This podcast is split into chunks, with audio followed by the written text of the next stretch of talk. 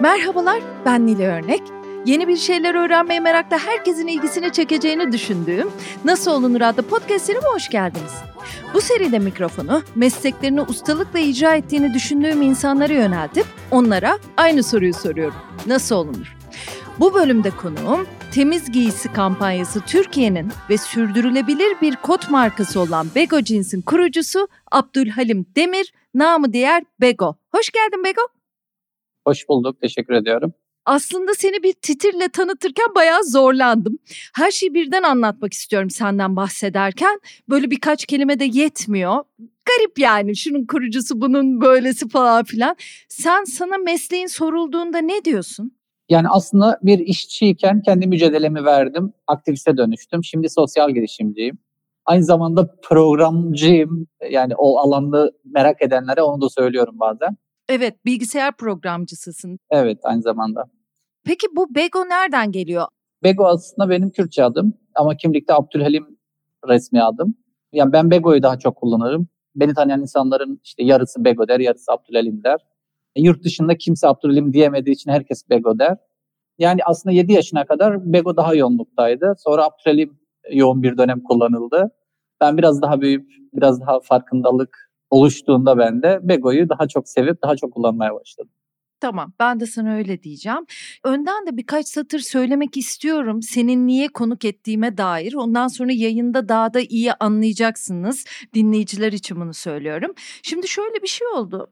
İstanbul Galata'da ortak kültürel üretimlere ev sahipliği yapmak üzere bir mekan kuruldu. İngilizlerin eski postane binasında olduğu için de Postane İstanbul adını aldı. Postane İstanbul'un kurucu direktörü Bego ile ikimizin de ortak arkadaşıymış meğerse Yaşar Adanalı. Onunla birlikte mekanı geziyordum açıldıktan bir süre sonra. Onların bir de böyle küçük mağazası var. Kooperatif, el ürünü işler, çok güzel ürünler e, satıyorlar. Orada da kot görünce şaşırdım aslında. ilgimi çekti. Orada birden değişik geldi. Dedi ki evet ama bunlar bego cins yani böyle. E, o ne yani dedim. Nasıl bilmezsin sen gibi böyle davrandı. Yaşar dedi ki Bego eskiden kot işçisiydi. Ciğerlerinin yarısını kaybetti. Büyük bir mücadele başlattı bu konuyla ilgili. Kot kumlamanın yasaklanmasının öncülerinden biri oldu. Yurt dışında da çalıştı. Şimdi de yüzde yüz geri dönüşümlü bu kotları üretiyor. Sen bunu alıyorsun mesela dedi. Depozitolu oluyor eskittikten sonra geri götürüyorsun ve geri dönüşüme yüzde yüz giriyor falan. Konuştuk onu ondan sonra unuttum. Sonra bir bakayım ya dedim hatırladım. Ve sitesine girince Bego Jeans'in acayip etkilendim. Sonra Bego'nun hayatına bakmaya başladım. Daha sonra Kafa Dergisi'nde İyi Şeyler Kafası adlı bir köşem var. Genellikle köşenin ismi bu ama ilk önce kötü bir şeyleri anlatmak zorunda kalıyorum. İnsanların yaptığı iyi şeyleri anlatabilmek için. Ee, biraz öyle oldu. Kötü günlerini de anlatmış oldum. Dergi yayınlandı ama ben herkese anlat anlatmaya devam ediyorum. Bego şöyle Bego böyle bunu yapmış onu yapmış inanabiliyor musun falan filan. Sonra dedim ki gel beraber bir program yapalım nasıl olunur çekelim ve sen bunları herkese anlat. Tekrar hoş geldin diyorum. Hatta böyle heyecanla anlattım ama hızlı. Başından başlamak istiyorum. Beko 1981 doğumlu Bingöl'ün Karlova ilçesi Taşlıçay köyünde dünyaya geliyor değil mi? Ondan sonra sen anlatsana İstanbul'a gelişine kadar niye geldiğine dair bir şeyler de anlatabilirsin. Ee, yani aslında köyde doğdum. Yatılı okuyordum. Yani doğuda bölge okulları var. Yatılı bölge okulları. 15 yaşına kadar orada yatılıda okuyordum. Sonra köyde aslında koruculuk sistemi oluştu. Köyde insanların yarısı korucu oldu. Diğer yarısı geçinemez hale geldi. Çünkü yayla yasakları çıktı. İnsanlar hayvancılık yapıyordu. 1992-93'lerde korucu oldu e, köy ve aslında o bölgenin en zengin köylerinden biriydi köyümüz. Yani 32 bin küçük baş hayvanı olan bir köydü. E, bir iki yılda insanlar yoksullaştı. O sattığı hayvanların paralarını tükettiler. Ve biz aslında onların çocukları görev edinmek zorunda kaldık. Ben işte ailemin geçim sıkıntısı yaşadığını görünce 15 yaşında okul bırakıp İstanbul'a geldim. Ve İstanbul'da işte ilk bulduğum iş kod kumlamaydı. Çünkü 15 yaşındaki bir çocuk yabancı bir yere gittiğinde sadece çalışacak değil kalacak bir yere de ihtiyaç duyuyor. Ve bir çocuğa kimse bir evi kiraya vermez. Verse bile e, bir çocuk maaşıyla o evin kirası ödenmez. O yüzden bizim baktığımız işler genelde bize yatacak yer verecek iş türleri olurdu. Onlar da işte böyle sorudan soruna sebep olacak işler oldu. Yıl kaç mesela buraya geldiğin? 15 yaşında olduğuna göre 96 95 falan mı? Evet 95 evet 95 96 sezonuydu. O yıllarda kumlanmış böyle beyazlatılmış kotlar aşırı modaydı. Bir de ben kot kot diyorum aslında blue jean ama ben bilerek kot diyorum. Kotun isminin geliş hikayesi de bilmeyenler için ben söyleyeyim. Muhteşem Kot isimli girişimci 1940'larda e, yurt dışında görüyor. 50'lerde burada üretmeye başlıyor. Biz de ilk onun mağazasında gördüğümüz için Türkler bizler derken buna kot demeye başlıyoruz. Blue jean bizde kot oluyor. Aslında jean ya da blue jean deniyor ama ben kot kelimesini kullanıyorum hepimiz öyle kullandığımız için. Sen de orada çalışmaya başlıyorsun. Pis iş, zor iş ama daha sonra herhalde popüler olduğu için de size çok iş gelmeye başlıyor değil mi? Arkadaşlarınızı, akrabalarınızı da belki İstanbul'a çağırıyorsunuz. Şöyle ben ilk geldiğimde aslında yani İstanbul'da çok az sayıda böyle atölyeler vardı. Yani diyebilirim ki 10-15 atölye vardı ve bu büyük markaların kontrollerinde olan yerler sadece onlara üretim yapıyordu. 2000'lerde kod ciddi popüler oldu taşlanmış kod. Bir anda böyle tint dediğimiz bir yıkama metodu çıktı, kirli yıkama metodu ve bu taşlanmış kodu bir anda popüler yaptı. Ve bu 10, 15 olan sayı bir anda 400'e her yerde neredeyse atölye açılmaya başladı. İşte başka işlerde olan insanlar bu işlere girmeye başladılar. Yani biz de buraya geldiğimizde burada bir iş var deyip kendi memleketimizdeki akrabalarımızı çağırmış olduk. Yani genelde de bu böyle ya. Almanya'ya giden biri bütün ailesini, çevresini Almanya'ya götürür. Gelin burada iş imkanı var diye. Burada da böyleydi. Burada bir iş imkanı var deyip bütün köyümüzü neredeyse köyün gençlerini buraya getirdik ve maalesef şimdi yarısı hasta ve e, bununla boğuşuyor. E, yani biraz orada Kot'un dilersen hikayesine de değineyim. Aslında Kot kumlama 1987'de başlıyor Türkiye'de. Almanya'da işçi olan birinin aslında ilk kurduğu bir atölyeyle başlıyor. Ee, ben 95'te başladığımda işte bu sayı 10-15 arasıydı ve 2000'lerde bir anda 400-500'e kadar çıktı. İstanbul'da ve başka illerde de olmaya başladı. Bu kot kumlama, kotun üstüne 10 bar bir havayla deniz kumu püskürtüyorsun. Bu basınçlı kum kotun ön bölgesini beyazlatıyor, eskitiyor yani. Aslında kotun 10 yıl olan ömrünü bir yıla indirmiş oluyor. Bu da aslında hızlı modanın bir şekilde işine geliyor. Hı. Yani biliyorsunuz hani kot kumlama aslında aynı zamanda bu hızlı mod fast fashion dediğimiz sürece de denk geliyor. Yani markalar işte yıllık hedeflediği ürün sayısını yakalamak için bir insana birden fazla kod satmak istiyor. Dolayısıyla eski kodların ömrü 10-15 yılken onu bir yıla kadar indirmek istiyorlardı ve kod kumlama bunun için çok iyi bir metottu. Kumlanmış bir kod aldığında maksimum giyebileceğin bir yıldır. Yani zaten yırtık halde alıyorsun. 6 ay giyip çöpe atıp yenisini alıyorsun. Bu da aslında hızlı modanın içine geliyor. Biz bu kotu kumlarken kumun içinde bir silika maddesi var. Bu silika maddesi işte kotu dövdükçe küçülüyor. Küçüldükçe de havaya karışıp bizim nefes almamızla beraber ciğerlerimize gidiyor. Ve bu ölümcül bir hastalığa sebep oluyor. Bunu da aslında 2005 yılında öğrenmiş olduk. Yani kod kumlamada çalışırken işte daha böyle çocuk yaşta başlamışız, işte ergeniz. Yani gülerek, eğlenerek aslında çalışıyorduk. Ben spor da yapıyordum mesela zaten şu an doktorların söylediği benim ölümüme sebep olan bir sonuç olurdu eğer ciğer e, göğüs kapasitem geniş olmamış olsa. Spordan dolayı göğüs kafesim geniş ve ben hareketsiz halde nefes alabiliyordum rahat. Efora bağlı nefes ağırlığı çekiyorum sadece ya da çok hızlı konuştuğumda arada nefesim gidebiliyor. 2005 yılında Türkiye'de aslında yani o, o güne kadar da işçiler hastalanıyorlar, ölüyorlar ama bir teşhis konmuyor. İşte işçiler doktora gidiyor, doktor neyim var diyor şöyle şöyle bir rahatsızlığım var. Kontrol ediyor. Ha tamam sen tüberküloz olmuşsun diyor. Yani verem teşhisi koyuyor. 6 ay verem tedavisi yapıyor. Bir sonuç vermiyor. 3 ay daha yapıyor. Maksimum 9 yapabiliyorlar ve sonra işçi hayatını kaybediyor. Bir türlü akıllarına silikozisi gelmiyor çünkü hiçbir şekilde mesleğini sormuyor işçinin. Mesleğini derken tekstilde çalışıyorum diyor işçi. Detayını sormuyor. Yani tekstille silikozisi de birbirine bağlamıyor. En son Erzurum'da bir doktor bir işçiye bana bir gün anlatır mısın diyor. İşçi ben sabah kalkıp 8'de işte kabine girip kod kumluyorum. Aa sen kum mu kullanıyorsun diyor. Evet e sen silikozisten o zaman diyor.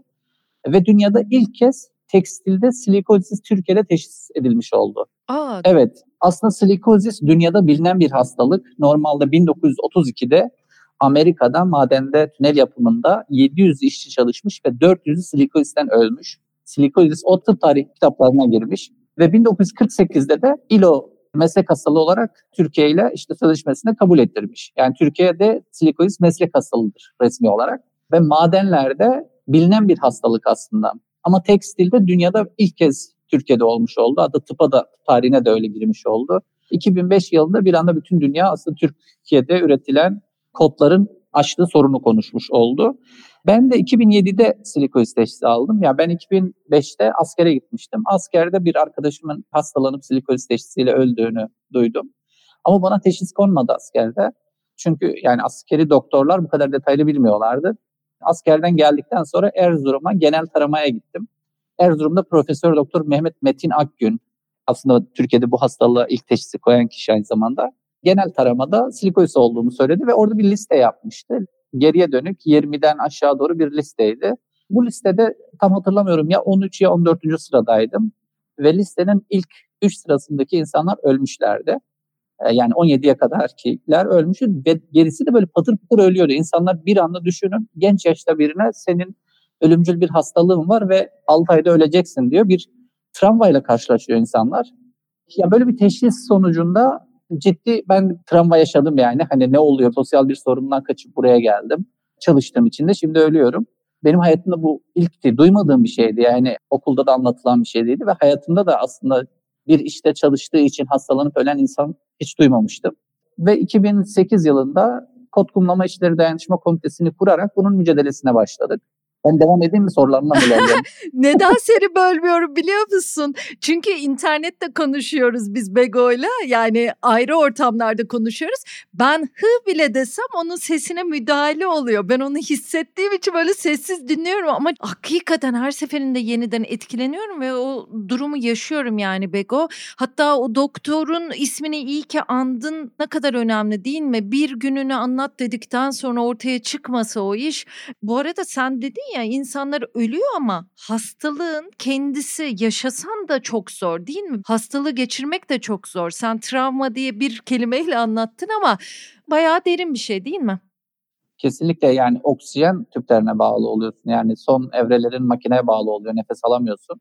Duygusal olarak beni çok etkilediği için bir cümleyle geçiştirmeye çalışıyorum. Evet. E, çünkü hala o şekilde çok böyle yakın arkadaşlarım var oksijen tüpüne bağlı olan ciğerlerinin %46.2'si çalışmıyor. Pandemi senin için nasıl geçti? Pandemi başladığında benim için bir kabustu. Çünkü yani yakalanırsam kurtulamayacağım bilgisi vardı. Bir gece yarısı İstanbul'u terk edip bir köye yerleşmiştim. Ee, uzaktan uzun süre çalıştım ama yani o birinci kapanma dönemi bittiğinde geri dönmek zorunda kaldım. Aslında çok yoğun korunuyordum. Okullar zorunlu açıldı ve çocuklar okula gitmek zorunda kaldılar.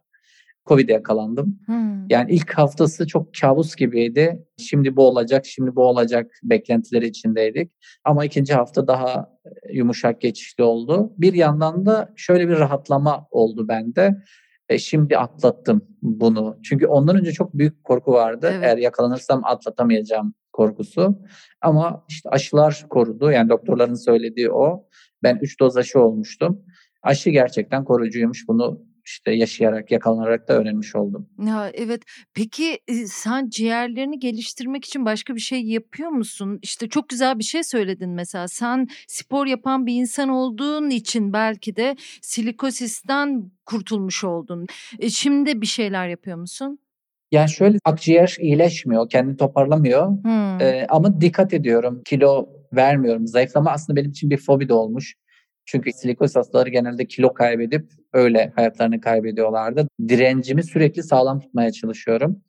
E, hastalık kötüye gitmesin diye. E, yani sağlıklı kalmak için aslında çok çaba sarf ediyorum. E, yani 2008 yılında Kod Kumlama İşleri Dayanışma Komitesi'ni kurup bunun mücadelesine başladık. Şunu fark ettik mücadeleye başladığımızda işçilerin %99'u kayıt dışı çalışmış. Hep böyle gurbetçi, doğudan, işte İç Anadolu'dan ya da Karadeniz bölgesinden İstanbul'a göç sonucu gelmişler. Burada çalışmışlar, hastalanıp memleketlerine dönmüşler. Dolayısıyla ilk böyle başlangıçta mücadelemiz biz önce gidip bu işçileri bulalımdı. Ya hastaneleri ziyaret edip hastanelerden işçilerin kayıtlarını sormuştuk. Tabii hastaneler yasak böyle bir şey paylaşmaları ama biz göğüs doktorlarına şeyi anlattık. Yani böyle bir hastalık var. Biz bu hastalığa müzdarip insanları bulup aslında haberdar etmek istiyoruz. Fayda yarattığımız bir durum bu dedik sağ olsunlar bize destek oldular. Mesela Diyarbakır'da e, bir işçinin adını vermesiyle aynı köyde 70 işçi bulmuştuk bu işte çalışmış hastalanmış. E, tabii işçiyi bulmak yetmiyor. Önce resmi olarak hasta olduklarını kanıtlamak için hastanelere getirmek gerekiyor. O dönemde e, Türkiye'de sadece 3 hastane bu teşhisi koyabiliyordu. Çünkü meslek hastalığını teşhisini sadece meslek hastalıkları hastaneleri koyuyor. Koyuyordu. Bizim mücadelemizle şimdi bütün üniversiteler koyuyor tabii. Bunlardan da biri Ankara'daydı, biri İstanbul'daydı, biri de Zonguldak'taydı. O geçici olarak kapanmıştı. İşçileri işte Ankara'ya, İstanbul'a taşıyıp aslında meslek hastalığı teşhisi koyduk ve ciddi bir mücadeleye başladık. Komiteye de her alandan insanlar katıldı. Yani gazeteci vardı komitemizde, doktorlar vardı, avukatlar vardı, e, aktivistler vardı, sendikacılar vardı. İnsanlar çok ciddi destek veriyorlardı. Orada da böyle üç taleple yola çıkmıştık aslında. Öncelikle kod kullanmanın yasaklanmasını istiyorduk. Çünkü hiçbir şekilde önlem alınamıyordu. İkincisi işçilerin hepsinin hasta kabul edilip emekli edilmesini istiyorduk ve işte sağlık hakkının e, verilmesini istiyorduk. E, ve ilk başarıyı 2009'da elde ettik. 2009'da Sağlık Bakanlığı Türkiye'de kod kullanmayı yasakladı. Yani aslında Çalışma Bakanlığı'nın alanı onun yapması gerekiyorken insanların ciddi ses yükseltmesi Sağlık Bakanlığı'na bu kararı aldırdı. 2010'da silikozis kısa grubuna tabi edildi. Tedavisi ücretsiz hale geldi. Aslında silikozis'in bir tedavisi yok. Sadece yardımcı tedaviler gerekiyor silikozis hastaları için. Üçüncüsü de bütün silikozis hastalarına emeklilik hakkı tanındı. Yani aslında Türkiye'de mücadeleyi başarmış olduk. Motivasyon noktam yani bir mücadelenin içindeyim bunu başaracağım sonra işte kendi yoluma bakacağım köşeme çekileceğim diyordum. E, kod kumlama bitti Türkiye'de. E, bir baktım ki yeni yeni şeyler fark ediyorum. Yani sektör lokal bir sektör değil global bir sektör. Dünyanın öbür ucunda markalar gelip burada yapmışlar. Burada yasaklandığı an başka ülkelere gitmeye başladılar. Ve bu sefer şöyle bir sorumluluk hissine kapıldım. Ya ben bu işte çalıştığımda bu işin bir gün beni hasta edeceğini bilmiyordum. E, şimdi biliyorum ki başka insanlar bu işte çalıştıklarında hasta olacaklar ve bu bilgiyle duramam. Bir şekilde gidip benim bu insanlara bunu söylemem gerekiyor. Hı hı. Bir de Leyleğin atılmış yavruları isminde senin bir yazın var. O yazıyı ne zaman yazdın? Hangi hislerle yazdın ve nerede yayınlandı? Herhalde o topluluklar, o eylemler bu yazıdan sonra geldi biraz. Aslında evet o yazı biraz hani bütün mücadelenin başlangıcında bir şeydi. Hani dedim ya bir travmaydı benim için. Bir akşam hani şey dedim bu böyle kalmamalı. Ben bir şekilde anlatmalıyım derdimi, içimi dökmeliyim. O mektubu yazmıştım aslında. Leyla'nın atılmış yavrularını yazmıştım. NTV'den bir muhabirle tanışmıştım o süreçte. Onu gönderdim. Ertesi sabah bir arkadaşım aradı. Dedi ki işte o dönem popüler gazete vardı, taraf gazetesi. Orada manşette dedi senin yazın yayınlanmış. Akşama kadar telefonum susmadı. Bir sürü insan beni arayıp hani nasıl destek olabileceklerini sordular ve o destek çağrılarıyla aslında bir araya gelip bir dayanışma komitesi kurup mücadeleye başlamıştık. Hı hı. Mektup internette bulunabilir. Hani dinleyicilerimiz isterlerse Google'a yazabilirler. Yani o aslında biraz önce anlattıklarımdı. Yani biz hani bu işe nasıl geldik, nasıl girdik, bu durup dururken ne oldu? Biraz onu anlatmıştım ve işte Silikolis'in bize yaşattığı tramvayı biraz dile getirmiştim yazı o kadar güzel ki ve edebi metin gibi açıkçası Bego yani hani bu ilk bir yazı olamaz diye düşündüm mesela. Sen daha önce de yazı yazan bir insandın falan herhalde ha? Aslında değildi. Hayatımda yazdığım daha önce şiir yazardım ama hayatıma yazdığım ilk yazıydı o. Hani böyle mektup diyeyim, derdimi anlatan bir mektup. Ondan önce şiir yazıyordum, şiir yazmayı seviyordum. Bir süre çok okuyordum. Böyle okumak aslında beni biraz böyle farklılaştıran bir şeydi. Özellikle mesela askerde çok fazla okumuştum. Bahsetmiştim başlarken hani ben 15 yaşında okulu bırakmıştım. Ya sonra bu süreçte zihnimde bir şeylerin eksik gittiğinin farkındaydım. O yüzden insan olarak da bir şeyleri çözmek, dünyayı anlamak için sorguluyordum, okuyordum. Yani muhtemelen o bendeki farkındalık o şekilde oluşuyordu genelde. Bu arada Leyli'nin atılmış yavruları şimdi başlığından bahsetti ve ilk yazım dedi ama mutlaka lütfen dinleyenler bulsunlar internetten okusunlar. O kadar etkileyici ki yani Bego bu süreci anlatıyor ve bunu bir e, bağlamla yapıyor. Leyli'nin atılmış yavruları leylekler işte bazı böyle buna benzer kuşlar var. Guguk kuşu vesaire de ilginçtir.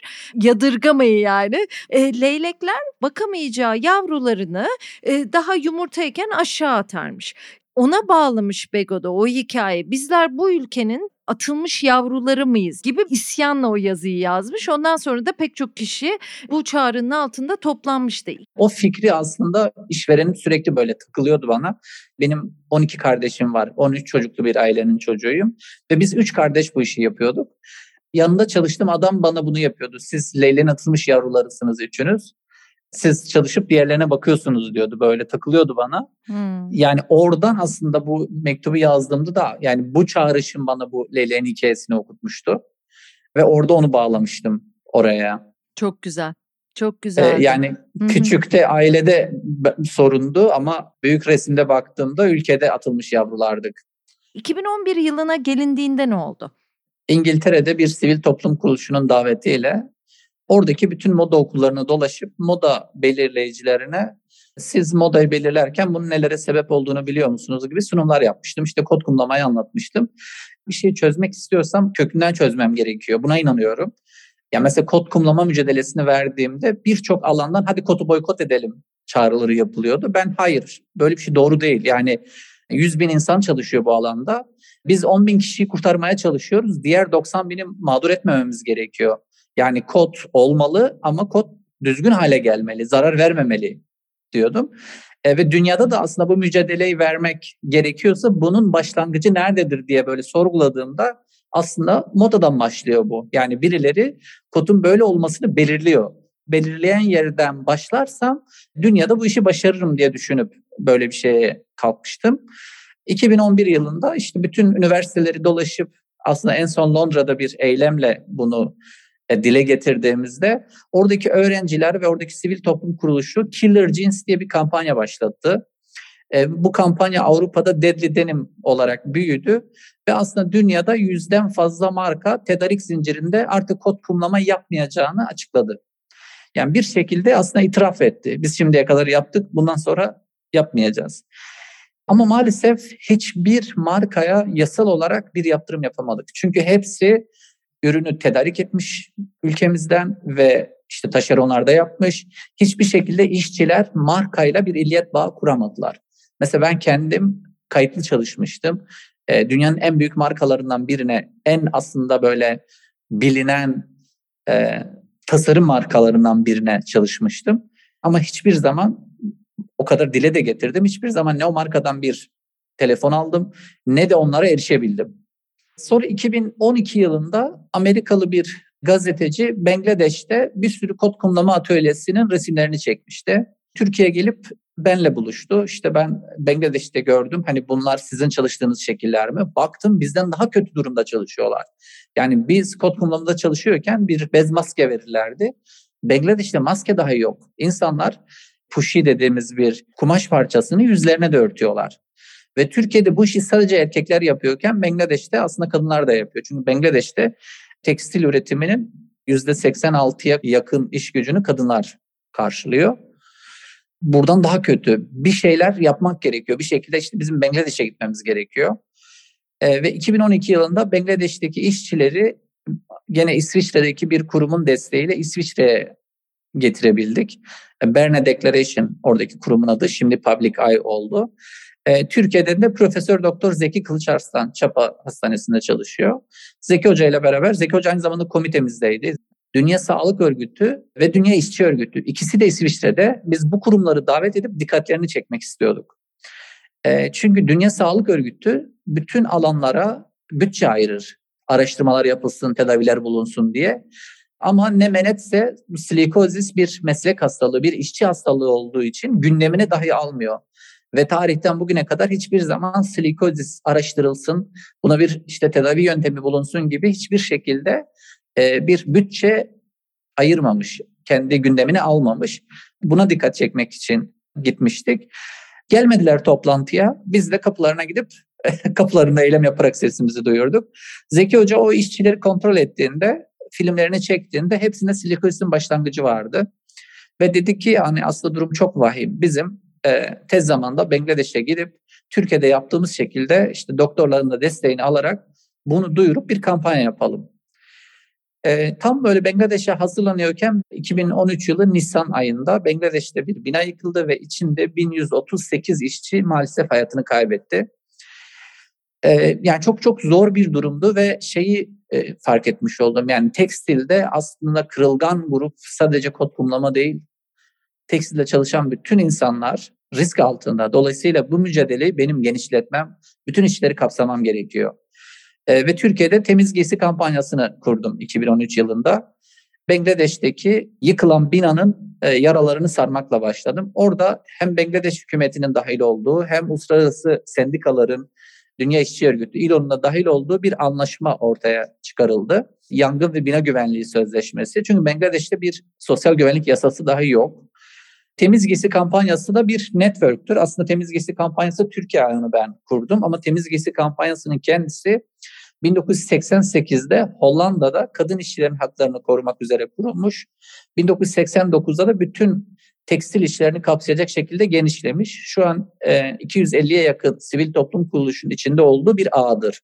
Biz de bu an bir parçasıyız. E, bu an görevi de bu e, sözleşmeye markaları dahil etmekti. E, her ülke kendi ülkesindeki markaları bulup, Bangladeş'te üretim yapan markaları bulup aslında diyalogla buraya katmak istedi. Eğer diyaloğa cevap vermesi tabii ki tüketici desteğiyle katmak istedi. Biz de Türkiye'de Bangladeş'te kim üretim yapıyor, bunu nasıl buluruz diye kafa yoruyorken bir anda işte aklımıza şey geldi. İnsanlar çok ciddi sosyal medya kullanıyorlar. Henüz Instagram çok popüler değilken Facebook çok popülerdi. Ve insanlara giydiğin kıyafet, giydiğin ürünün etiketi Made in Bangladesh ise resmini çekip bize atın diye bir çağrıda bulunduk. Yani bir iki haftada 400'e yakın görsel gelmiş oldu bize. E, o görseller arasında yerli markaları bulduk. 10 Türkiye'li marka Bangladeş'te üretim yapıyordu. Yani normalde eskide biz üreten bir ülkeydik. Şimdi aslında üretilen de bir ülke durumundayız. Yani bizim kendi markalarımız da artık globalleşiyor, başka ülkelerde üretiyor. Bu markaların her birine bir mektup göndererek Bangladeş'teki durumdan bahsettik e, ve bu yangın ve bina güvenliği sözleşmesine imza atmalarını rica ettik. Tabii kimseden dönüş almadık. Ertesi gün bir iki gazetede yazılar yazmaya başladık. İşçi meseleleriyle ilgili yazan köşe yazarlarına yazdık. Onlar kendi köşelerine gündeme aldılar. E, ve Türkiye'den ilk LCY2 bu sözleşmeye imza attı. Sonra Change.org üzerinden bir tüketici desteğini alalım istedik. Çünkü markalar cevap vermiyorlar. Bir şekilde tüketiciye gidip bunun desteğini almamız gerekti. Kan sıçramış kıyafetler giymek istemiyoruz.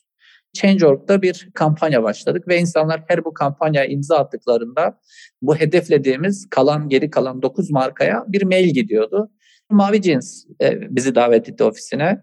Onlar imza atmış oldular ve diğer geri kalan 8 marka hiçbir zaman atmadı. Çok da direndiler. E, çoğu böyle yeşil sermaye markalardı. Biz kampanyadan önce zaten bir diyaloğu yokluyoruz. Çünkü önce diyalogla çözmek istiyoruz. Diyaloğa cevap vermediklerinde kampanyaya gidiyoruz ve iki yıl içinde biz Bangladeş'teki bu fona 35 milyon dolar para toplamış olduk ve oradaki yaraları sardık. Yani bu süreçte aslında Türkiye'deki sorunları da çözmek üzere işte bizim acil eylem metodumuz var. Oradaki metotla işçilerin bize başvurup sorunlarını bize iletmeleri ve o sorunu önce markalara diyalogla çözmek istiyorduk. Eğer markalar diyalogla çözmek istemediklerinde tüketiciye gidip çözüyorduk.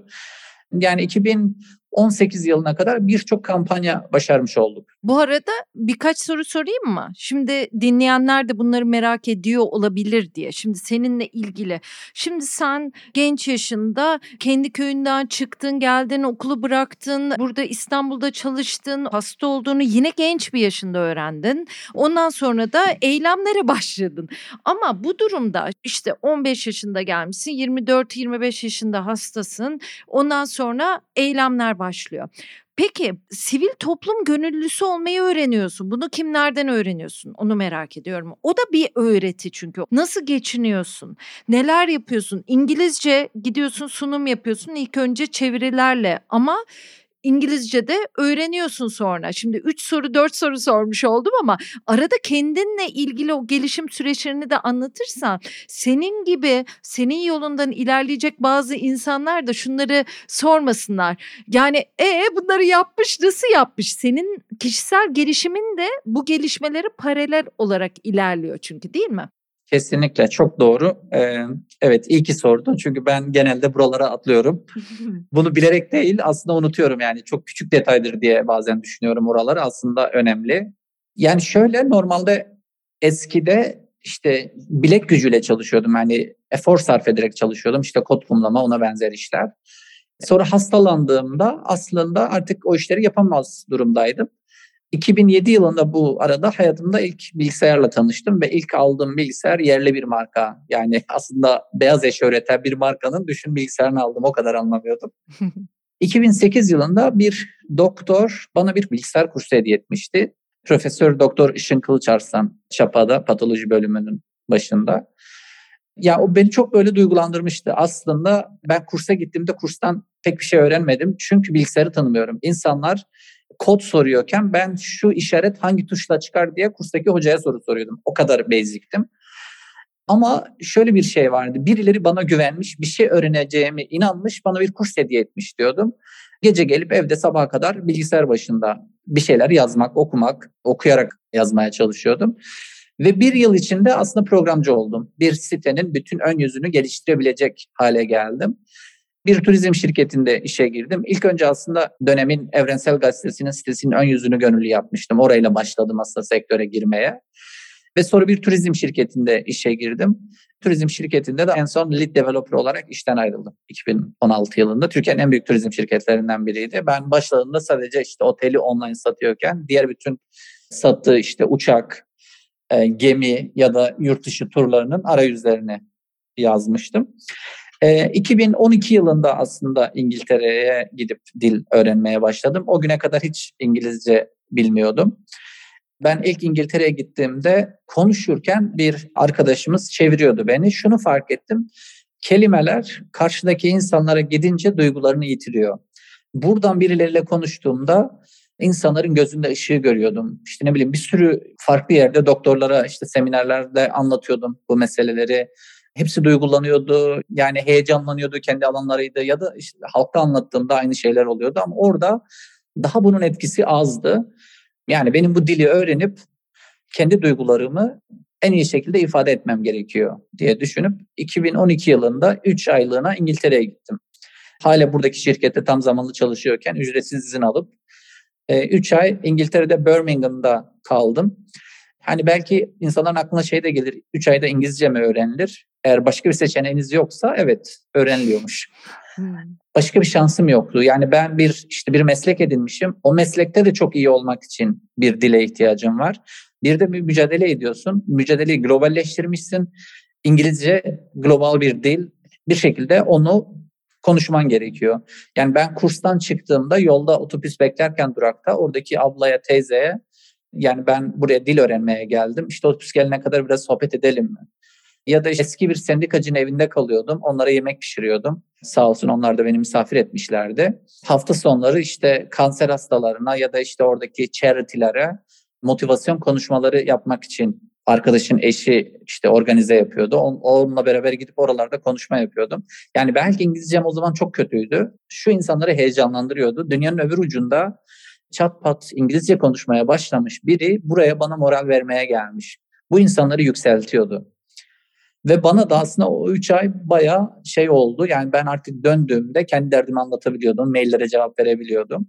En son 2018'de e, Bristol'a bir üç aylık bir daha bir final eğitim alıp artık tamamlamış oldum. Mesela 2018'de RS Kongresi oldu Paris'te. Dünya Göğüs Kongresi. 22 bin kişi katılmıştı bu kongreye ve Erzurum'daki doktorla beraber biz gitmiştik. Profesör Doktor Metin Akgün'le hasta ve doktor perspektifini konuşmuştuk. Oradaki amacım aslında şeydi, Dünya Sağlık Örgütü'nün gene dikkatini çekmek. Çünkü oradaki birçok doktor oranın üyesiydi ve biz Silikolis'e ciddi bütçe ayırsınlar. Artık Silikolis'te bir tedavi geliştirilsin istiyorduk. O konuşmayı da yaptığımda evet artık piştim dedim. Umarım bu dört sorunu cevaplayabilmişimdir. Tabii ben arada onun bir daha vurgusunu yapmak istiyorum. Neden? Çünkü insanlar hep bunu söylüyorum ama bu yayınlarda bir takım işleri başaranlar kendilerinden daha avantajlıdır diye düşünüyorlar. Senin bile mesela anlatabildim mi? Ki sen yardımlarda almışsın, sana burs veren kurumlar olmuş, sana destek veren ya da yol gösteren insanlar da evet, olmuş evet, ama da geleceğim. sonuçta bilgisayar gördüğün yaş 27 İngilizce öğrenmeye başladığın yaş ben şimdi sen söylerken şöyle hesapladım 31 2018 yılına gelindiğinde ise artık Fransa'da İngilizce konuşma yapıyorsun. Yani sen bana ilk anlattığında o kadar etkilenmiştim ki müthiş bir çaba. Sen şimdi kendinle ilgili çok şey anlatmıyorsun ama bunların altını tekrar tekrar çizmek istiyorum umutsuz olan gençler için de ya da belli bir yaşa gelmiş insanlar için de. Ve temiz giysi nedir? Biraz bize onu da anlat. Temiz giysi kampanyası aslında işçilerin çalışma koşullarını iyileştirmek için mücadele eder. Önce markalarla oradaki sorunları diyalog yoluyla çözmeye çalışıyor. Eğer markalar diyalog yoluyla kendi fabrikalarında, kendi tedarik zincirlerinde oluşan sorunları çözmüyorsa temiz giysi kampanyası bu sorunu tüketiciye anlatıp oradan aldığı yumuşak güçle markaya baskı yaparak adımlar attırıyor. Evet. Peki bizler tüketici olarak temiz giysi kampanyalarına destek olmak için bir o yumuşak gücü göstereceğiz ve bazı ürünleri özellikle almayacağız gibi bir şey anlıyorum. Ya da nasıl üretildiğine bakacağız. Bu her şey için söz konusu. Başka neler olabilir? Moda tüketicileri eğer tükettikleri ürünler konusunda doğru tercihler yaparlarsa sektöre şekil verebilirler. Yani diyelim ki bir markanın ürünü alıyorlarsa, o markayı seviyorlarsa onun şeffaflığına baksınlar. Ne kadar bilgi paylaşıyor? İşçi hakları ile ilgili ne kadar sorumlu? Çevreye ne kadar duyarlı? Ürünleri ne kadar sağlıklı? Özellikle Türkiye'de ya mesela gıda ile ilgili Tarım Bakanlığı bir karar veriyor. Gıda ürünün üstüne bir şey basılıyor ama tekstilde böyle bir şey yok. Şu an işte piyasada stok kumaş satılıyor. İçinde ne olduğu belli değil ama kumaşı satan kişi dahi bunu bilmiyor. Bunun içinde ne var dersen %100 pamuk diye etiket koyup verebiliyor. Onu denetleyen kimse yok. Bunların hepsine tüketici şekil verebilir. Aldığı ürünü sorgulaması gerekiyor. Bu ürün nasıl yapıldı, nerede yapıldı? Böyle ufaktan başlayabilir. Hı hı. Budur aslında sektöre şekil veren. Mesela 2018 yılında biz bir kampanya yapmıştık. İstanbul Bayrampaşa'da dünyada ünlü 3 markaya üretim yapan bir fabrika batmıştı. Ve bu fabrikada işçiler son 3 ay işte markanın temsilcileri tarafından da böyle telkin verilerek yani iş yeri zor durumdan geçiyor ama toparlanacak sabredin. İşçiler bir sabah geliyor kapılar sonuna kadar açık ve içeride hiçbir şey yok. Gidip davalar açıyorlar. Hiçbir şey alamıyorlar çünkü buradaki firma batmış. Bize müracaat ettiler. Biz de o markalarla iletişim kurduk. Dedik ki işte o üründen, o etiketten en çok parayı siz kazanıyorsunuz. Dolayısıyla etik olarak sorumlusunuz. Aynı zamanda global bir sözleşmeye imza atıp bununla ilgili siz aslında bir sürü reklam yapmışsınız. Yani greenwashing yapmışsınız. Dolayısıyla şimdi gelip sorumluluk almanız lazım. Bir buçuk yıl bizi oyaladılar. Tamam yapacağız, yapıyoruz. Artık şuna ikna olduk. Adım atmayacaklar. Bizim tüketiciye gitmemiz gerekiyor diye düşündük. İşçileri örgütleyerek markanın buradaki mağazalarına gidip ürünlerin içine bir etiket yerleştirdik. Etikette çok duygusal bir mesaj yazıyordu. Çünkü şunun farkındayız. Bizim insanımız bir şeyle empati yaptığında, kendini yerine koyduğunda gerçekten sahip çıkıyor.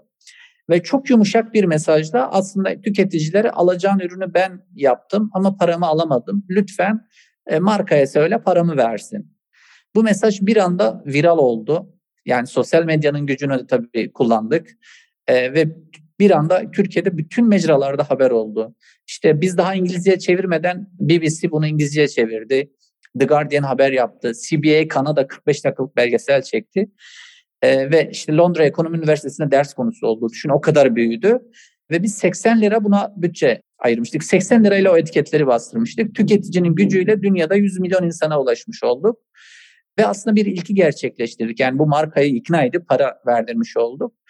İlk kez bir marka tedarik zincirinde etik olarak sorumlu olduğu, henüz yasal olarak sorumlu olmadığı işçilerin parasını ödemiş oldu. Buradan aslında hem OECD hem UNDP faydalandılar ve şu an ikisinin de guideline'ında markaları tedarik zincirlerinde sorumlu kılıyorlar. Bu arada sen arada greenwashing dedin, işte pinkwashing denilen kavramlar da var. Onları da söylemek isterim. Bu greenwashing denilen kavram yanlış anlatıyorsam sen beni düzelt. Yani belli markalar çok daha içindesin ve biliyorsun ben dışarıdan bildiğim kadarıyla söylüyorum ama şimdi belirli markalar aslında bir takım kampanyalar yapıyorlar. Küçük bir e, iletişim yapıyor ve biz iyiyiz diyor mesela ya da işte bir reklam kampanyası yapıyor. Sen zannediyorsun ki e, çevreci, green dedikleri o işte yeşil ve pink dedikleri de daha çok kadınlarla ilgili kampanyalar. Yani işte bizde de oldu ya çok sinirleniyorum. Her yıl 8 Mart'a gelirken ne kadar çok kampanya, ne kadar çok marka görüyoruz ama İstanbul Sözleşmesi yaşatır diyen kaç marka gördük değil mi?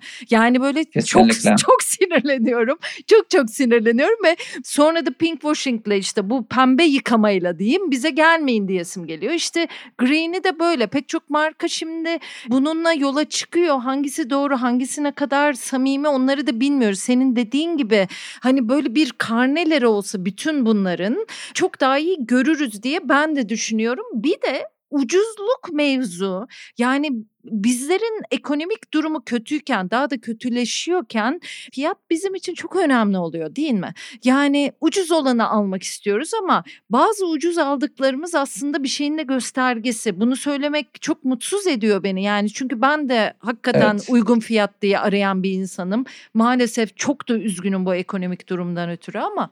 Yani aslında burada her şey birbirini tamamlıyor. Yani bizim yaşam standartlarımız düşük olduğu için düşük fiyatlı ürün arıyoruz. Ama Aynen. eğer Hı-hı. yaşam standartlarımız yüksek olsa yüksek fiyatlı ürünler alabiliriz. Bunu geçmişte bir iki yerli markaya da söylemiştim. Yani biz işte memuru da giydirmek istiyoruz demişlerdi. Bunun yolu memurun standartını yükseltmek. Yani şu an Türkiye'de asgari ücret 2825 lira, 2825 lira alan insan çok düşük ücrette ürün almak durumunda. Geçinemiyor yoksa. 150-200 lira olursa örneğin alacağım bir tişört onu önce giyersin işte aynaya bakarsın üzerinde duruyor mu güzel mi ve alır giyersin gerçekten. Ama eğer bir ürün düşün şu an Instagram'da belki senin de önüne düşmüştür bana çok düşüyor işte 10 tane tişört 99 lira. Yani öyle bir durumdaysa 10 tane tişörte sen 100 lira veriyorsan bu hiçbir şeydir deyip alıp bir tanesini giyiyorsun ve diğer 9 tanesi dolabında kalıp hiç giymeden çöpe gidip aslında çevreyi doğayı kirletiyor. Hı hı. Bir de sen ne kadarının aslında geri dönüştürülmediğini söylemiştin bana. Bir rakamsal oran vermiştin. Yani bu petrol bazlı ürünler üzerinden hı hı. değil mi? Evet yani ürünlerin yüzde on üçü toplatılıyor ve yüzde biri dönüştürülüyor. Yani tekstil ürünün sadece yüzde bir geri dönüştürülüyor maalesef. Hı hı. Bir de adil çalışma şartlarından bahsederken çok güzel bir şey söylemiştim Bego. Hakikaten yani hani gülüyorum ama yani sinir bozukluğuyla da gülünüyor bazen. Hani patronlar diyorlar ki benim işçim memnun aldığı maaştan askeri ücret veriyorum. Ama sen ona bir seçenek vermiyorsun ki. Maalesef bu ülkedeki aslında kültürel kodlarımızda da yerleşmiş bir şey ya biz yanlışları norm haline getirmişiz ülkede bir sürü iş yerinde işçi asgari ücret alıyor. İşveren diyor ki işte hani dini bir bakışla ben onu memnun ettim. İşte hakkını helal etti.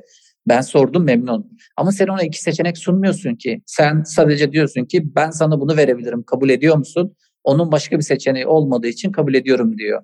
Şu an işçiye desen ki ben sana asgari ücret vereceğim. Bir de şurada 6 bin liralık bir maaş versiyonum var onu verebileceğim. Hangisini kabul ediyorsun? O zaman hepsi 6 bin diyecek. Bunu sunmuyorsun. O yüzden de burada bir rıza alma olmuyor. Zorunlu oluyor. Hatta bir adım ilerisine söyleyeyim. ILO bu durumu zorla işçi çalıştırma olarak kabul ediyor. Yani o yüzden diyor ki dünyada tekstil sektöründe 60 milyon zorla çalıştırılan işçi var diyor. Evet, evet. Yani, bir arkadaşım korkunç bir şey anlattı. Hani, hangi marka, hangi kurum vesaire bilmiyorum ama şöyle bir şey, sen lira veriyorum bu insanlara diyorsun, daha fazlası. Ondan sonra o bir grup işçiden 100 kişi olsun o işçilerin sayısı, ATM kartlarını geri alıyorsun. lira yatırıyorsun sanki yatırmışsın gibi. Ondan sonra onlara daha az bir para veriyorsun. O çok yaygın birebir gördüğüm şu an Türkiye'de devletin teşvik verdiği alanlar var. Gidiyorlar işte Batman'da, işte Erzincan'da, Mardin'de, Diyarbakır'da ya da Elazığ'da bir yerlerde fabrika açıyorlar. Ve bu fabrikadaki bütün şeyi devletten alıyor zaten hibeyi. Aynı zamanda işte iş kurdan garanti veriyor ya ben bu kadar kişiyi istihdam edeceğim diyor. Ve orada şöyle bir şey var. Yani bizim aslında sorumlu gördüğümüz devlet aynı zamanda orada da işçileri yasal olarak asgari ücretin altında çalıştırmak için de izin veriyor bir şekilde. Yani aslında amacı istihdam sağlamak ama istihdamla sömürün arasında çok ince bir çizgi vardır. Ona dikkat etmek gerekiyor. Ve hani işverenler işçileri e, çırak olarak da işe alabiliyorlar asgari ücretten daha düşük vererek. Ya da dediğin şekilde aslında maaş kartlarının hepsi işverende oluyor. İşte doğuda işte diyelim ki Batman'da bir köyde çalışan biri hiçbir fabrikada çalışmamış diyelim o güne kadar ve oraya bir fabrika kurulduğunda ona 2000 lira verdiğinde onun için çok büyük bir paradır bu. Çünkü yasayı aslında diğer hakları şey bilmez ve işveren ona der ki işte ben sana şunu şunu yaptım sana ayda 2000 lira veriyorum o da razıyım der. Hı hı. Maaşını kendi çeker hani kartlar ondadır çeker bankadan yatırır işçinin kartı onda çeker ve elden verir. Bunu aslında 2016 yılında orada yaptığımız bir araştırmayla net olarak görmüştük. Çok acayip işler bunlar yani çok moralimi bozuyor. Ee, peki senin kendi kotunu ortaya çıkarma fikrin nasıl ortaya çıktı? Biraz böyle adım adım geleyim. Bir turizm şirketinde çalışıyordum. 2016 yılında Ashoka'dan bir mektup aldım. Yani beni işte Boğaziçi Üniversitesi'nden doçent doktor Itır Erhard fellow olarak önermişlerdi onlara. Dediler ki işte biz seni destekleyelim. Sen bu yaptığın işe yüzde yüz zamanını ver. Ben o güne kadar yaşamak için, geçinmek için bir şirkette çalışıyordum ve akşam işten çıktığımda da eve gidip bilgisayarın başında oturuyordum. Ya da işte bir etkinlik yapacaksam, bir şey yapacaksam da şirketten ücretsiz izin alıp gidip yapıyordum. Dediler ki işte sen bu kadar yani yüzde yirmi enerjini harcayarak bunu yapıyorsun. Biz senin yüzde yüz enerjini harcamanı istiyoruz. Bunun karşılığında da biz sana burs verelim. Bu süreçte geçinmeni biz sağlayalım. Yani biraz temkinli yaklaşmakla beni ikna ettiler aslında. İşte oranın fellow oldum. Aynı yıl Yaşar da başta bahsettiğin arkadaşımız, ortak arkadaşımız Yaşar da fellow oldu. İkimiz de aynı yıl seçildik. Ashoka fellow olduğumda aslında bütün e, enerjimi buna harcayarak hem temiz gezi kampanyasını dernekleştirip resmileştirdim hem de meslek hastalıkları ile ilgili bir platform kurdum.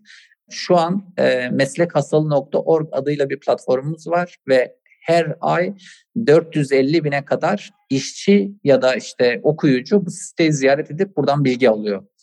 Buradaki fikir de şuydu. Ben ilk meslek hastalığı teşhisi aldığımda bana işte Ankara'da SGK'dan biri arayıp sen meslek hastasısın dediğinde ben o işi o kadar da sevmiyordum. Ben meslek hastalığını insanın işi olan aşkı olarak, insanın işi olan sevgisi olarak algılamıştım. Bunu samimiyetle söylüyorum. Bu kadar bizim ülkemizde meslek hastalığı bilinmiyor. Yani bunlar başka ülkelerde daha işte ortaokulda eğitim sıralarında anlatılıyorken bizde üniversitede anlatılıyor. Bizde lisede dahi bunlar anlatılmıyor bu arada. Ve bunu dert etmiştim. Yani 2012'de özellikle gene böyle İş Sağlığı İş Güvenliği uzmanı Doktor Rana Güven'in bir sunumunda çok etkilenmiştim. Bana şey sunumunda şey söylemişti. Türkiye'de çalışma koşullarına baktığımızda İLO verilerine göre her yıl 40 bin ile 120 bin arası meslek hastası bekleniyor. Ama aynı yıl kayıtlı işçi sayısı 400'dü. Meslek hastalığı teşhisi alan işçi sayısı 400'dü. Bunu ILO kabul etmiyor. Kabul etmemesinin sebebi de bize diyor ki yani 400 olması iyi bir yandan ama iş kazasına baktığımda 67.500 o sene iş kazası yaşanmış. Bu kadar iş kazası varken meslek hastalığı nasıl bu kadar düşük olabilir? Bu aslında o ışığı yakmıştı kafamda. O zaman bu ülkede meslek hastalığı ile ilgili farkındalık yaratmam lazım deyip e, bu platformu kurmuştum.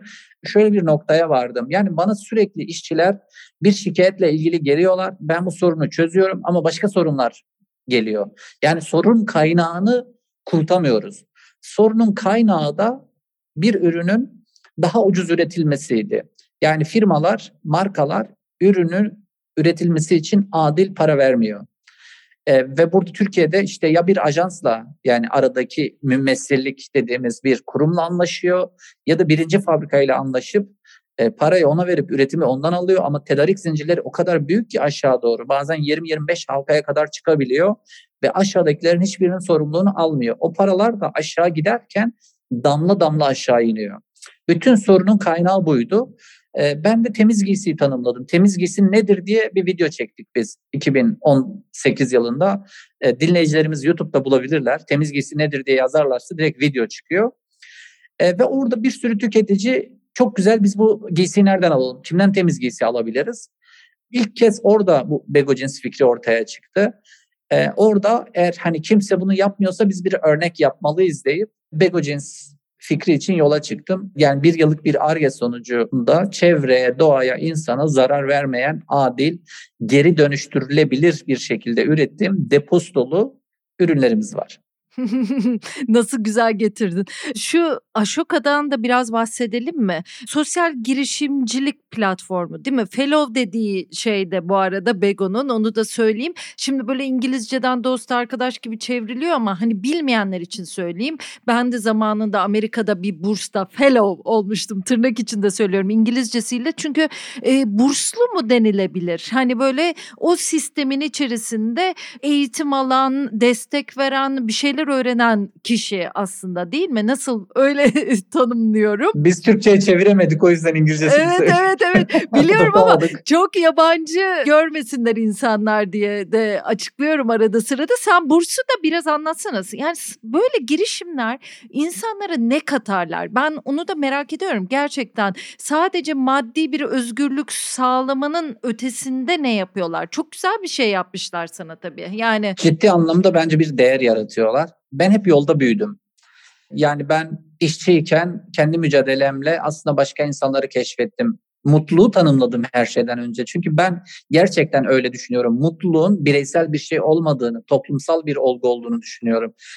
Mutsuz bir toplumun içinde bir bireyin mutlu olmasının mümkün olmadığını düşünüyorum. Eğer mutlu olmak istiyorsan içinde yaşadığın toplumu mutlu etmelisin. Böyle yani yaşam felsefem biraz bu aslında. Bunların hepsini de gerçekten yolda keşfettim. Ashoka ile beraber de şunları keşfettim. Mesela ben ilk Ashoka Fellow seçildiğimde böyle temiz giysiyi anlattığımda 2017'de bana bir toplantıda yani neden siz böyle bir şey yapmıyorsunuz demişlerdi. Orası benden çok uzak demiştim. Ama 2019'da o noktaya geldim. Ashoka'da Ashoka Fellow seçildiğinde 3 yıllık bir burs veriyorlar. Aslında ilk yıl senin %100 kişisel giderlerini karşılıyorlar. İkinci yıl diyorlar ki sen artık hani bir şeyleri oturtmuşsun. Kendi giderinin yüzde yirmini karşılayabilir durumdasın. Yüzde seksen kişisel giderini karşılıyor. Üçüncü yıl yüzde altmış kişisel giderini karşılıyor. Bu yani verdikleri burs her yıl düşüyor. Bunun yanında pro bono destekler alıyorsun. Yani Ashoka'nın aynı zamanda Ashoka Support Network var. Yani orada bir araya gelen iş insanları var. Oraya destek veren iş insanları var. Yani dünyanın e, iyiliğini düşünen, iyilik için dünyanın değişmesini destekleyen insanlar var. O insanlarla bir şekilde seni match ediyor. Mesela bizim işte hukuksal bir bir, bir sürü desteğe ihtiyacımız vardı bu süreçte. Bunların hepsi Ashoka'ya destek veren işte pro bono hukuk bürolarından almıştık. Ya da işte bir iş planı oluşturacağım, onu geliştireceğim. Ee, ama benim böyle bir deneyimim yok, böyle bir şeye ihtiyacım var. Gidip bin sayfa kitap okuyacağıma ya da internette saatlerce video izleyeceğime buraya böyle bir taleple gidiyorum. Ben böyle bir şey yapacağım, böyle bir şeye ihtiyacım var dediğinde seni aslında o alanda uzman birileriyle bir araya getirip o alanda seni e, ufkunu genişletiyorlar. Yani Ashoka'nın bana aynı zamanda aslında vizyon da kattığını düşünüyorum. Yani çünkü hani sistematik dönüşümü de biraz orada keşfetmiş oldum. Ee, ya mesela 2018'de işte dönüştürdüğümüz markanın şu an tedarik zincirine bakarsan ciddi bir dönüşüm yaratmış olduk. Mesela aynı marka şu an Türkiye'de 10 binden fazla sigorta borcu olan hiçbir fabrikaya iş vermiyor e, ve aylık sigorta ödendiğinden emin olmak istiyor. Çünkü biliyor ki artık kendi sorumlu tutulacak. Dolayısıyla sistematik bir dönüşüm yaratmış olduk o markada. Ve bütün işleri de aslında bir sistem dönüşümüne sebep olur mu diye hayal ediyorum. İşte Bego Jeans de aslında böyle bir şeydi. Çünkü Bego Jeans'i bir marka kurup bir niş marka olayım, işte yılda bin tane ürün, on bin tane ürün, yılda bir milyon ürün satayım gibi bir derdi yok bu markanın.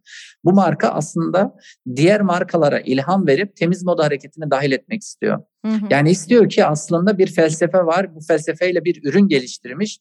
Bu felsefenin diğer markalar tarafından benimsenip buraya dahil olması, adil bir ürün ürettiklerinde bu üründen hale para kazanabileceklerini görsünler ve bu ürünün tüketici nezdinde çok kıymetli olduğunu bilsinler.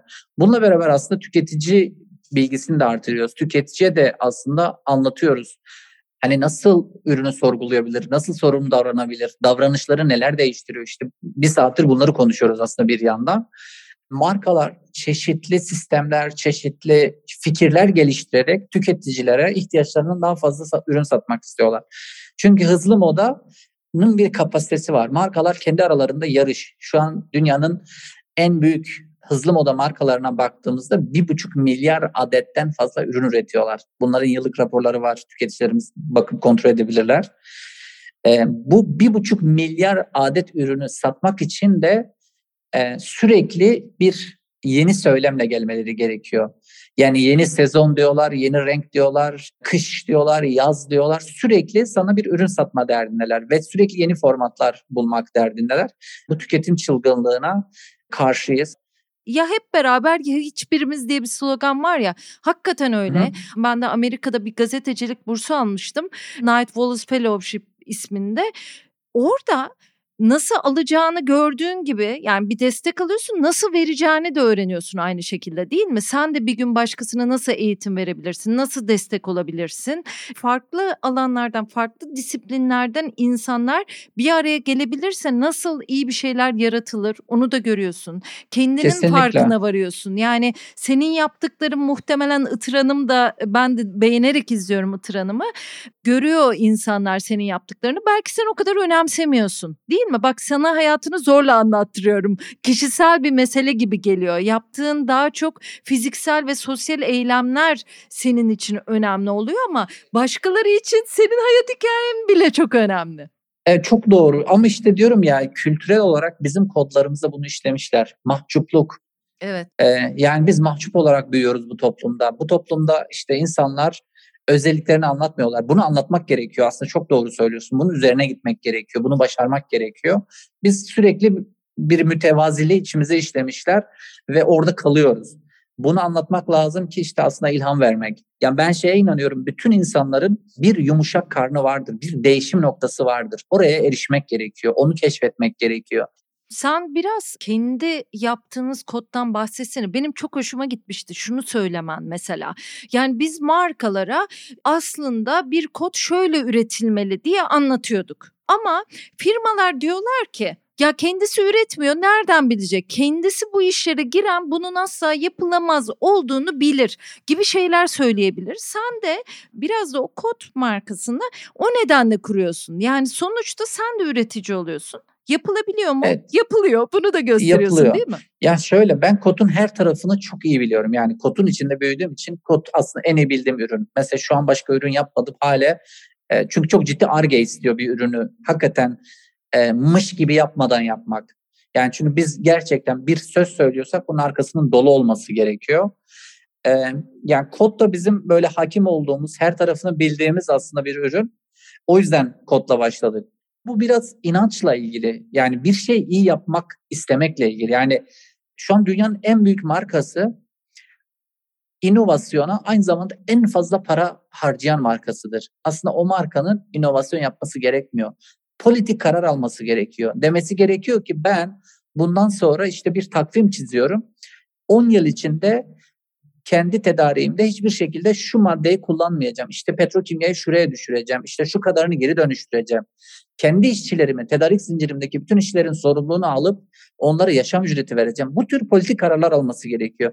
Ve şunu da demesi gerekiyor. Ben bundan sonra her yıl ürün gamını büyütmek yerine aslında sürdürülebilir bir şekilde büyüyeceğim. Yani yılda bir buçuk milyar adet ürün üretmeyeceğim. Çünkü bu çok fazladır. Yani dünyada 8 milyar insan yaşıyor. Bir marka 1,5 milyar adet üretiyorsa gerisi ne yapsın yani? Ürünlerin ucuz olması için çok fazla polyester katılıyor. Öyle olduğunda da ürünler sonradan ayrıştırılmayıp geri dönüştürülmüyor. Çöp oluyor.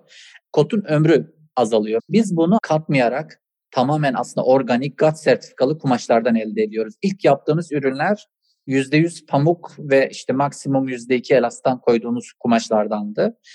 Sonraki üretimimizde bir adım daha ileri gidip aslında keneviri ürettik. Birazdan oraya da gelip anlatacağım ama önce bu üretim süreçlerini anlatayım. Yani biz neleri yapmıyoruz ki bu kadar tasarruf ediyoruz. Aslında üründe hiçbir şekilde kimyasal kullanmıyoruz. Yani bir yıkamada kotun yıkanması için aslında eğer kot taşlanacaksa ve artması yapılacaksa ortalama şu anki son teknoloji makineleri söylemiyorum. Yani benim işçilik dönemimdeki makinelerin e, litrelerine çok hakim olduğum için o litreleri baz alıp söyleyeceğim. Yani bir makina işte 60-70 kot alıp içine 600 litre su alıyor ve 60-70 kotun yıkanması için o 600 litre su alan makina 11 kere su alıp boşaltıyor o kotları yıkamak için. Önce ön yıkama yapıyor. Sonra taşlama yapıyor. Sonra o taşın bıraktığı üzerine kirin çalkalanması için işte 3 kere su alıp çalkalıyor. Yani her seferinde 600 litre su alıp boşaltıyor. Sonra işte hipo denilen bir kimyasalla artmalar yapılıyor.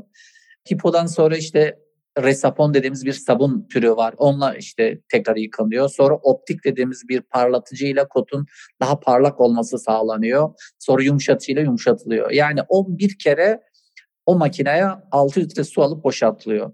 Biz bunu tek sefere düşürüyoruz.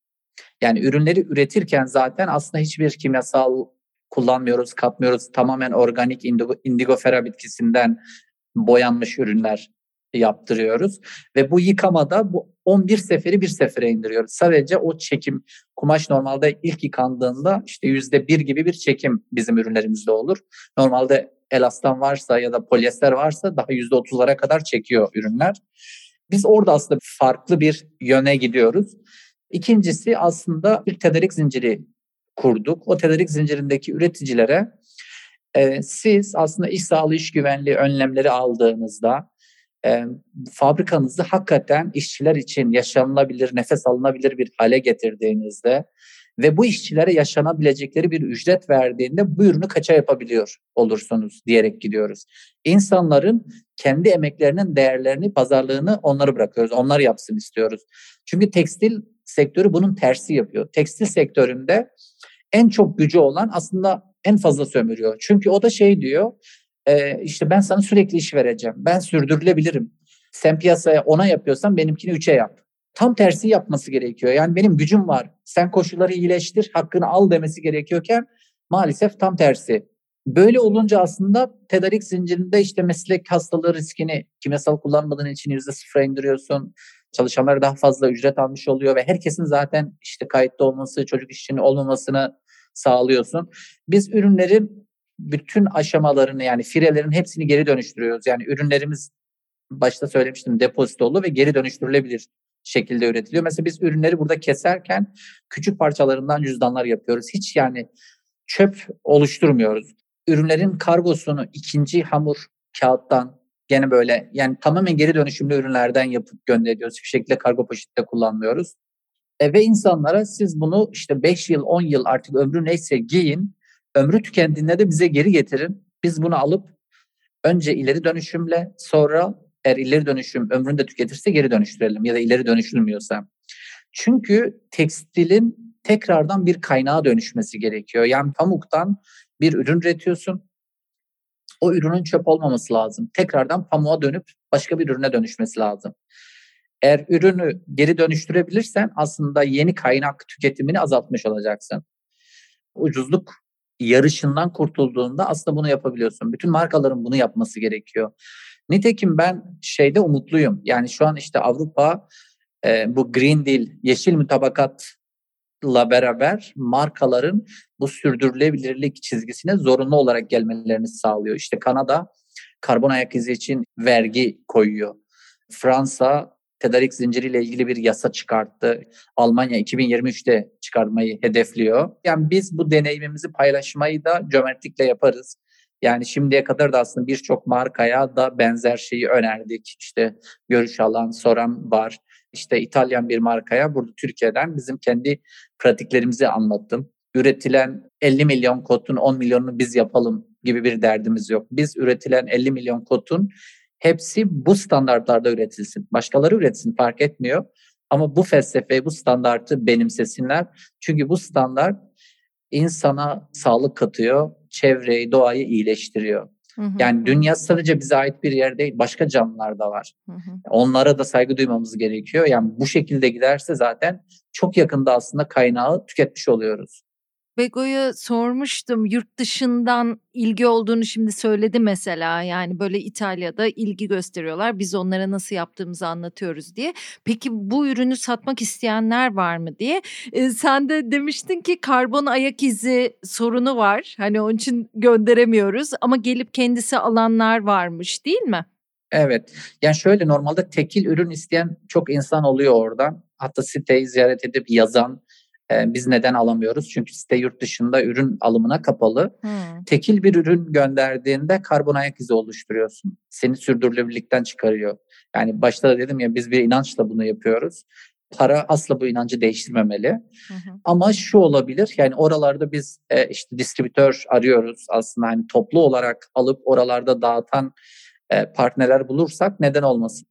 Bir bilinçlendirme sitesi gibi site. Böyle küçük küçük okuyunca zaten e, kafanıza giriyor bazı şeyler. Sosyal medyaları da çok güzel. Instagram sayfaları da çok özenilerek yapılmış. Pek çok insan da gönüllü olmuş. Mesela ortak arkadaşımız Uğurcan Ataoğlu şahane bir insan kendisi. Böyle şeylere Kesinlikle. de bayılır. Logolarını tasarlamış. Başkası bir şeyler yapmış değil mi? Sitede görülüyor. Sosyal medyayı birileri evet. yapmış. Onu da anlat ve keneviri anlat isterim. Yani şöyle aslında e, yani ben hani baştan hep anlattım ben bir işçiyim. Yani bu yola çıktığımda da işte insanlara gidip aslında şu an bizi dinleyenlere anlattığım şekilde insanlara da anlattım. Yani ben böyle bir şey yapıyorum. Bunun için bir dayanışmaya ihtiyacım var dedim. Mesela işte, işte biz Alemeti Farika'ya gittiğimizde Uğurcan'a bunu anlattığımızda mesela bu logomuzu onlar tasarladı. Kurumsal kimliğimizi onlar tasarladılar. Yani ben mesela bu kadar harika bir logo yapacaklarını beklemiyordum isimle ilgili çok tereddüt vardı kafamızda. Ben bir marka olacaksa bunun adı Bego olmasın istiyordum. Bu biraz böyle narsizm olabilir. Yani benim ismimdir bu diyordum. Anket yaptık böyle işte 40-50 tane isim arasında ama en çok oyu Bego almıştı. Ee, ve insanlar dediler ki yani bu aslında Bego'nun hikayesi bir şekilde. Ee, Uğurcan da sağ olsun mesela ben bu yan yana Bego'yu hayal ediyorken o böyle dörtte böldü. Her karakteri bir tarafa baktı. Çünkü bu dedi ki bir marka değil bu bir hareket. Hmm. E, dolayısıyla yani onu anlatması böyle mest etmişti beni o masada sağ olsun. Onun dışında da aslında birçok insan buraya dokundu. Yani bizim web sitemizdeki bütün içeriği, yazıları gönüllü insanlar çevirdiler İngilizce. Yani ben bir çağrı çıktım arkadaşlar şöyle bir içerik yazdım. E, İngilizcesi için desteğe ihtiyacımız var dedim. Bir sürü aslında bizi takip eden insan bana şu sayfayı gönder, bana şu sayfayı gönder deyip destek oldular. E, sitenin ön yüzünü kendim yazdım. E, tasarımını İzmir'den bir arkadaş yaptı. Gene böyle pro bono yani yarı ücretli yapmış oldu sağ olsun. Onun dışında ilk başladığımızda Denim Akademi yapmıştık aslında. Almanya Röttingen Üniversitesi öğrencileriyle e, en büyük partnerlerimizden Orta Anadolu yani bize kumaş üreten üretici sağ olsun onlar da bize fabrikalarını açtılar. Öğrencilerle aslında bu süreci onlara da anlattık. E, bir e, farkındalık yaratmak için. Aynı zamanda Türkiye'de işte Bilgi Üniversitesi, Okan Üniversitesi bunlarla işbirliği yaptık. Bilgi Üniversitesi reklam bölümünde Begojins ders konusu oldu sürdürülebilir marka olarak. Ve orada 5 öğrenci grubu konkür olarak yarıştılar. Begojins'in sosyal medyasını reklamını yapmak için e, Alemet Farika'dan işte Uğurcan da onlara aslında orada liderlik yaptı. Hani hangi ekip işte aynı zamanda jürisindeydi. Seçilen ekip de ilk yıl bizim sosyal medyamızı yönetti. Şu an e, bir ajans yönetiyor. Gene yarı ücretli bir şekilde destek veriyor. Onun dışında aslında çevremizdeki bütün insanlar hani dinleyenler kimin elinden ne geliyorsa ne değer katıyorsa buraya kattı. Biz de çok böyle müteşekkiriz buna. Açığız da kolektif bir şekilde hep beraber iyiliğe doğru yürüyebiliriz. Yani bu farkındalığı, bu yolu hep beraber çizebiliriz. Peki kenevir? Şöyle normalde aslında ilk ürünleri pamuk yaptığımızda yani pamuk gene de üretimi için tarlaya ihtiyaç duyuyor. Ee, daha sürdürülebilir ne yapabilirim dediğimde keneviri keşfettim. Kenevirin biraz tarihine de baktığımda aslında Türkiye'de geçmişte e, kullanılan bir ürünken 1930'larda pamuk lobisi Türkiye'ye giriyor ve Türkiye pamuğa yoğunlaşıyor. Ve kenevir yasaklanıyor aslında 2010 yılına kadar yasaklanıyor. 2010 yılında tekrardan serbest ediliyor. Kenevirin üretimi için bir tarlaya dahi ihtiyaç yok. Yani bir dağda da yetişebilir ve suya ihtiyaç duymuyor. Yağmur suyu kenevirin büyümesi için yeterli ve lifleri de güçlü. O yüzden neden bir kenevir kot yapmayalım deyip ikinci aslında ürettiğimiz ürünü kenevirden yaptık. Şu an sitemizde de inceleyebilirler. Birçok ürünümüz kenevirden. Bir de çok dayanıklı bir malzeme değil mi? Evet ve bir tık ötede aslında daha nefes alabilen, daha sağlıklı yani giyen için sağlıklı olan bir ürün. Ee, insanlar eminim ürünü ellediklerinde ne demek istediğimi anlayacaklar o hissiyattan, o yumuşaklıktan. Bunu da özetle istedim çünkü enteresan bir madde. Peki sana klasik iki sorumu soruyorum. Bir nasıl olunur? Şimdi neyin nasıl olunurunu anlatacaksın. Ona sen karar ver. İkincisi de Türkiye'de birlikte nasıl daha iyi yaşarız? Çok güzel iki örnek verebilecek insansın yani. Sosyal girişimci nasıl olunur belki onu anlatmak iyi olabilir. Çünkü Türkiye'de aslında 9 bine yakın e, girişim kendine sosyal girişim diyor. E, yani benim kalbimde, kafamda sosyal girişimin tanımı biraz daha farklı. E, yani ben şuna inanıyorum. içinde olduğun sorunun, içinde yaşadığın sorunun çözümüne kendini adıyorsan bir sosyal girişimcisin. Parçası olduğun bir şeyi çözmek istiyorsan, eğer ona değer yaratıyorsan sosyal girişimcisin. Ama Türkiye'de şöyle şeyler var. İnsanlar yani bir girişim kurup işte girişimin diyelim ki işte yüzde onlu şuraya bağış yapıyorum dediğinde de kendine sosyal girişim diyor. Yani o da elbette kıymetli bir değerdir. Ama bence bu tanımın altını ben böyle dolduruyorum. Ee, böyle olunur diyebilirim bunun için. Hı hı hı. Peki Türkiye'de birlikte nasıl daha iyi yaşarız? Bence şeyi öğrenmemiz gerekiyor. Birbirimizi olduğumuz gibi kabul etmeye. Yani biz ezelden beridir insanları değiştirip öyle kabul etmeyi öğretmişler bize. Bundan vazgeçmemiz gerekiyor. İnsanlar olduğu gibi kabul edip gerçekten dinleyip, insanları dinleyip e, beraber yaşayabiliriz. Bu mümkündür. Yani ben bu topraklarda büyüdüm. Bu topraklarda gördüğüm şey buydu.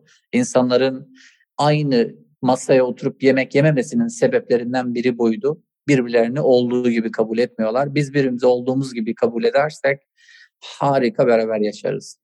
Ya harika. Bence çok çok çok şahane bir konuk ağırladım. Şimdi tek tek madde madde sizler için çıkartmak istemem. Zaten yayını dinlerken kendiniz bir takım notlar çıkarmışsınızdır diye umuyorum. Nasıl notlar? Yani Bego'ya bakarken aslında büyük bir değişim örneği görüyoruz ve hakkıyla yapmak için çok uğraşan bir insan görüyoruz. Yani neyi ele aldıysa hem de geç olabilecek bizler için, dünyalılar için geç sayılabilecek yaşlarda ya da pozisyonlarda o işe başlamış olabilir ama işin içine kendini yüzde yüz katıp orada derinleşerek toplum için, dünya için fark yaratmaya çalışan bir insan olmuş. Gerçekten benim için çok etkileyici bir karakter. Zamanında bir leyleğin yani ebeveyninin yuvadan attığı bir birey gibi hissetmiş ama şimdi başkalarına yuvalar sağlamaya çalışıyor. Onun için benim için de çok değerli bir konukta. Çok sağ ol Vego. Ben çok teşekkür ediyorum hikayeme dahil olduğun, yani bu dünyaya aslında ışık tutmaya aday olduğun, beraber e, şu an onu konuşuyoruz. Aslında aday da olmamış oldun, direkt dahil oldun. e, ben bunun için çok teşekkür ediyorum. E, umarım işte Nilaylar çoğalır, hep beraber ilerleriz. çok sağ ol, çok Teşekkür ederim. Ben de böyle bir şey yarattığın için dahil olunabilecek bir platform mu diyeyim ona, bir ruh mu diyeyim? Yani onu yaratıyorsun ki biz de hemen bir tarafında olalım istiyoruz. Bu heyecanı yaşıyoruz. Bu çok güzel bir şey. Umarım Türkiye'de çok daha fazlası da olur. Dünyada daha fazlası olsun ama ben şimdi daha küçükten başlayayım. Çok sağ ol Beko. Hakikaten. Eyvallah.